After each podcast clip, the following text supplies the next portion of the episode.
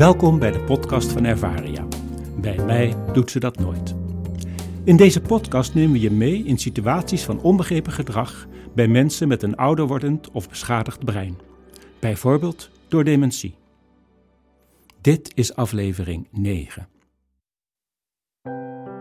Het is kwart over drie smiddags. Zonnestralen verlichten de huiskamer voor mensen met dementie.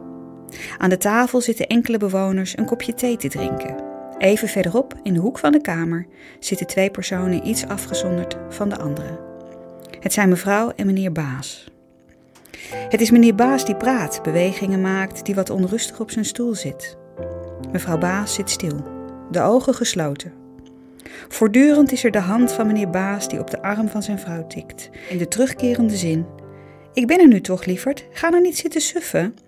De pogingen om zijn vrouw wakker te krijgen blijken steeds te stranden.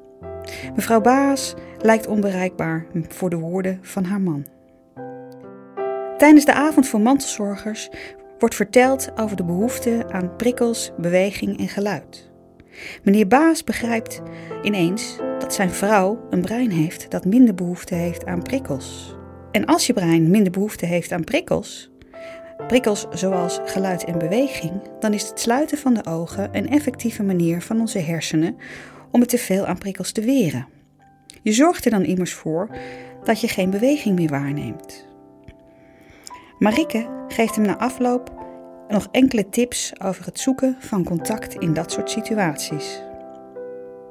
De volgende middag lijkt alles hetzelfde.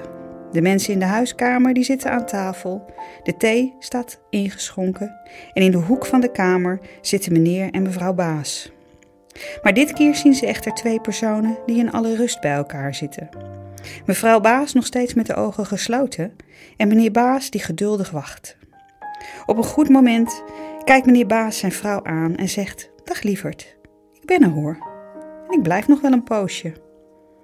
Enkele lange minuten gebeurt er niks.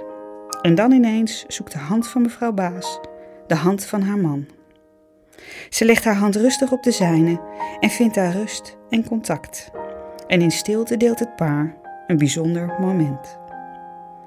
Soms vind je de sleutel achter gesloten ogen. Meer informatie is te vinden in ons boek Bij mij doet ze dat nooit. Je kunt ook de website www.ervaria.nl bezoeken of mailen naar info.ervaria.nl. Bedankt voor het luisteren.